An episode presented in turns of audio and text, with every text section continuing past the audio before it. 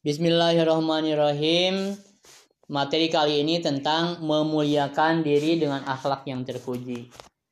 Memuliakan diri dengan akhlak terpuji, yang pertama mempelajari perilaku berbaik sangka. Jadi harus kalian munculkan dalam diri kalian itu adalah perilaku berbaik sangka. Yang kedua, mempelajari perilaku simpati. Kalian harus memunculkan sikap perilaku simpati menjadi akhlak yang ada pada diri kalian. Kemudian selanjutnya mempelajari perilaku toleran dan mempelajari perilaku rukun.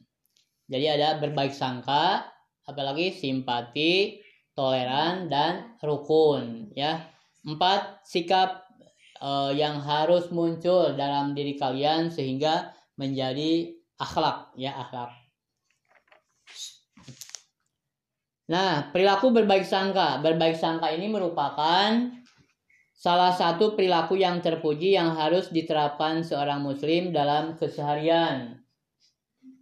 Nah, yang bagaimana e, berbaik sangka itu? Berbaik sangka itu dalam bahasa Arab disebut husnudon. Jadi kalian harus punya sikap husnudon. Terdiri atas dua kata yaitu husnu dan don. Husnu berarti baik, ya. Husnu, husna, apalagi e, baik artinya. Hasan, dan baik. Sedangkan kata adzon berarti prasangka atau dugaan. Jadi husnudon adalah berprasangka baik dan tidak merendahkan orang lain. Ya, berprasangka baik, tidak merendahkan orang lain. Apa lawan dari kata husnudon? Ayo siapa yang tahu? Apa lawan kata dari husnudon? Berbaik sangka berarti lawan katanya adalah berburuk sangka. Dalam bahasa Arab berburuk sangka disebut suudon, ulah suudon, jatah kudu ulah suudon. Jika perasaan dilingkupi dengan berbaik sangka, kita akan hidup dengan tenang dan bahagia. Tuh, jadi orang yang memiliki sifat yang husnudon, maka akan tenang dan bahagia. Akan tetapi, jika perasaan kita dilingkupi dengan buruk sangka, hidup menjadi gelisah dan selalu was-was. Ningali batur, oh si eta teh bener mencelakakan kita. Ya, jadi kan kalau suudon ke batur pasti akan timbul was-was gelisah. Nah, sebagai anak yang soleh, kita harus berusaha untuk berprasangka baik kepada siapa pun. Allah Subhanahu wa Ta'ala memerintahkan kita untuk berbaik sangka. Nah, Al-Qur'annya surat Al-Hujurat ayat 12. A'udzu billahi minasyaitonir rajim. Ya ayyuhalladzina amanu jtanibu katsiran minadh-dhann. Inna ba'dadh-dhanni ismun wala tajassasu wala yaghtab ba'dukum ba'dukum ba'dha ayuhibbu ahadukum ayyakula lahma akhi maitan fakarihtumuhu wattaqullaha innallaha tawwabur rahim Wahai orang-orang yang beriman, jauhilah banyak dari prasangka. Sesungguhnya sebagian dari prasangka itu dosa. Tuh, berprasangka buruk kepada orang lain itu merupakan dosa. Dan janganlah kamu mencari-cari kesalahan orang lain. Ayo, jangan dicari, jangan dikorek-korek kesalahan orang lain.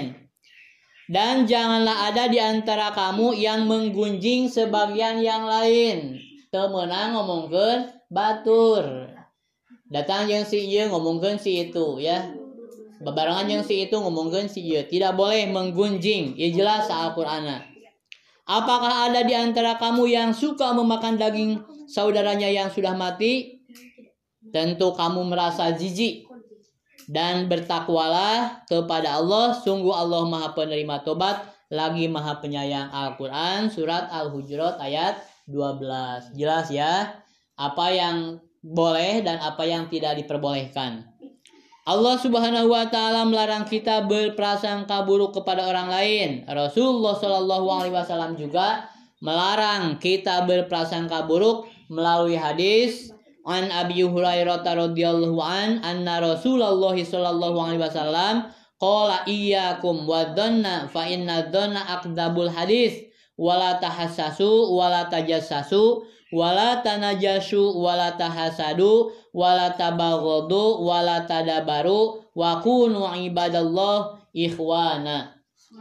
Dari Abu Hurairah bahwa Rasulullah Shallallahu Alaihi Wasallam bersabda jauhilah prasangka buruk karena berprasangka buruk adalah ucapan yang paling dusta dan janganlah kalian saling mendiamkan jadi ulah hari-hari ya.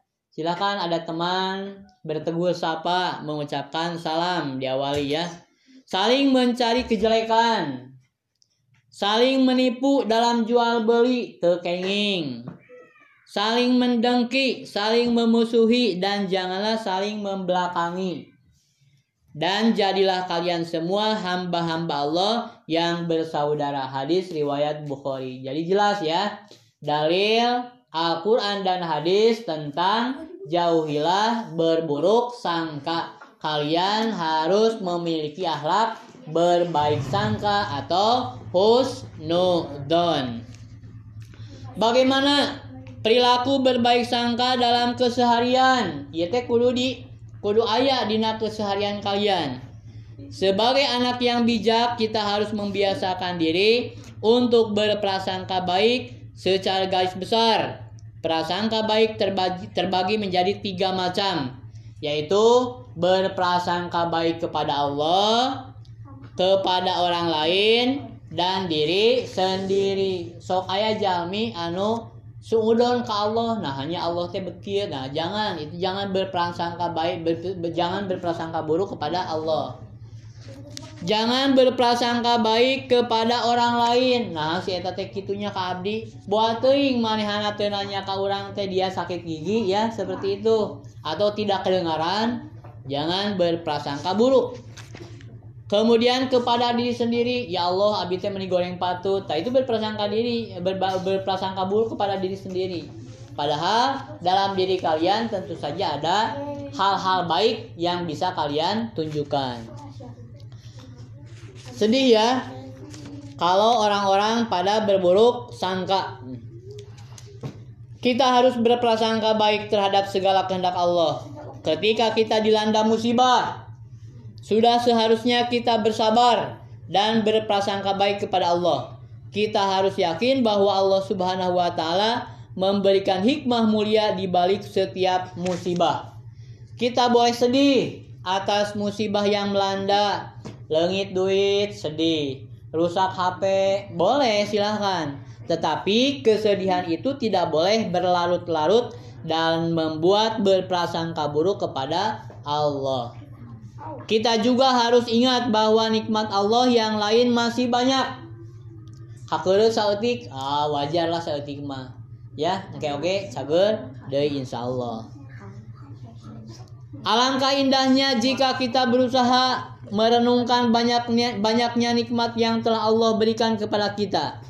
Jadi lamun orang syukuran ke Allah tentu akan diberi nikmat yang lebih banyak lagi. La in syakartum la azidannakum wa la in kafartum inna azabi lasyadid. Lamun orang kufur karena nikmat Allah, tunggu azab siksa Allah yang sangat pedih.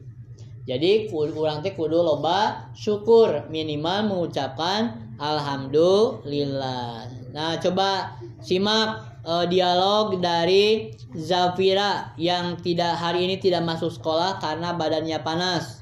Bu Yasmin merawat Zafira dengan baik. Ketika sedang makan, Zafira berkata kepada ibunya, "Ibu, Allah sayang kepadaku tidak ya?" Kata ibu, iya nak, Allah subhanahu wa ta'ala sangat menyayangimu. Kata Zafira lagi, kenapa ya Allah memberikan sakit seperti ini? Kata ibunya, Allah hendak menghapus dosa Zafira dengan sakit ini. Maksudnya apa bu? Kalau kamu bisa sabar, Allah akan menghapus dosa-dosamu nak. Oh begitu ya bu, baiklah aku akan bersabar. Nah kata anak anak yang sakit tidak mau bersabar, tidak bisa bersabar, itu mah tambah dosa. Jadi kalau kalian sakit tetapi kalian bisa bersabar, itu akan menghapus dosa-dosa kalian. Jadi Ayo, di antara kalian banyak sehatnya atau banyak sakitnya? Hidup kalian banyak sehatnya atau banyak sakitnya? Ayo dibandingkan dengan sakit, sehatnya lebih banyak. Sakit mangan saukur sapoe dua poe sagedei ya. Tapi sehatnya alhamdulillah. Jadi dari mulai lahir sampai kini sok hitung lebih banyak sakitnya atau banyak sehatnya? Alhamdulillah banyak sehatnya. Jadi harus bersyukur kepada Allah. Nah, kita bisa mengambil hikmah dari contoh perilaku berbaik sangka Zafira dan tetap berprasangka baik kepada Allah. Meskipun dia dalam keadaan sakit, semoga kita dapat meniru perilaku berbaik sangka Zafira kepada Allah. Jadi lamun sakitnya kudu bersabar ya. Bagaimana berbaik sangka kepada orang lain? Selain berprasangka baik kepada Allah, kita juga harus berprasangka baik kepada orang lain. Kita harus berprasangka baik kepada ibu, kepada ayah, kepada saudara dan teman. Kita tidak boleh mencurigai orang lain tanpa bukti yang jelas. Prasangka baik akan menjauhkan kita dari sifat curiga, iri dan dengki kepada orang lain. Apabila pensil kita tidak ada di bangku, tidak ada di tempat pensilnya, kita tidak boleh menuduh teman sebangku kita. Ah, manehnya nyokot. Nah, ulah, jangan main tuduh saja. Apabila kita uh, kita harus mencari pensil itu terlebih dahulu. Jangan hula ke mana ke mananya gitu. Kita juga harus bertanya kepada teman sebangku dengan baik-baik. Ulah langsung patlot orang eueuh manehnya nyokot. Nah, ulah ulah gitu, tapi baik-baik apakah kamu melihat nggak gitu kan seperti itu Apabila kehilangan sesuatu di kamar tidur, kita tidak boleh berprasangka buruk kepada pembantu atau anggota keluarga tanpa bukti yang jelas. Nah, bisi pohon nendena kan gitu ya, bisi lupa naruhnya di mana. Mari kita simak contoh perilaku berbaik sangka kepada orang lain berikut. Usai menunaikan sholat duhur, Amar dan Anwar kembali ke ruangan kelas. Setelah duduk di atas kursi, Amar mencari sesuatu. Ternyata ia kehilangan jam tangan. Amar bertanya kepada Anwar yang duduk di sebelahnya. Anwar, apakah kamu melihat jam tangan saya? Nah ini contoh yang baik ya. Kalimat contoh yang baik yang uh, ketika kehilangan kamu nanyanya seperti itu. Anwar, apakah kamu melihat jam tangan saya? Wah, saya tidak melihatnya. Mungkin kamu lupa menaruhnya. Tadi saya menaruh di atas meja. Teranglah, coba diingat-ingat dulu. Nah, itu ya. Sebagai teman, kamu harus uh, ini ingat. Cobalah diingat-ingat uh, diingat-ingat dulu. Jangan uh, siapa tahu tadi waktu wudhu disimpan di atas apa ya. Jadi uh, kata-katanya yang baik. Oh ya, tadi saya menaruh di jendela masjid sekolah. Cepat kamu ambil dahulu. Nah, sambil saya ambil dahulu ya. Nah, jadi seperti itu ya, saling mengingatkan. Jangan lupa untuk e, mengecek atau ya, jangan langsung berburuk sangka. Akhirnya, Amar menemukan jam tangannya kembali. Amar menunjukkan perilaku berbaik sangka kepada temannya. Amar tidak menuduh Anwar tuh. Jadi tidak ada tuduhan.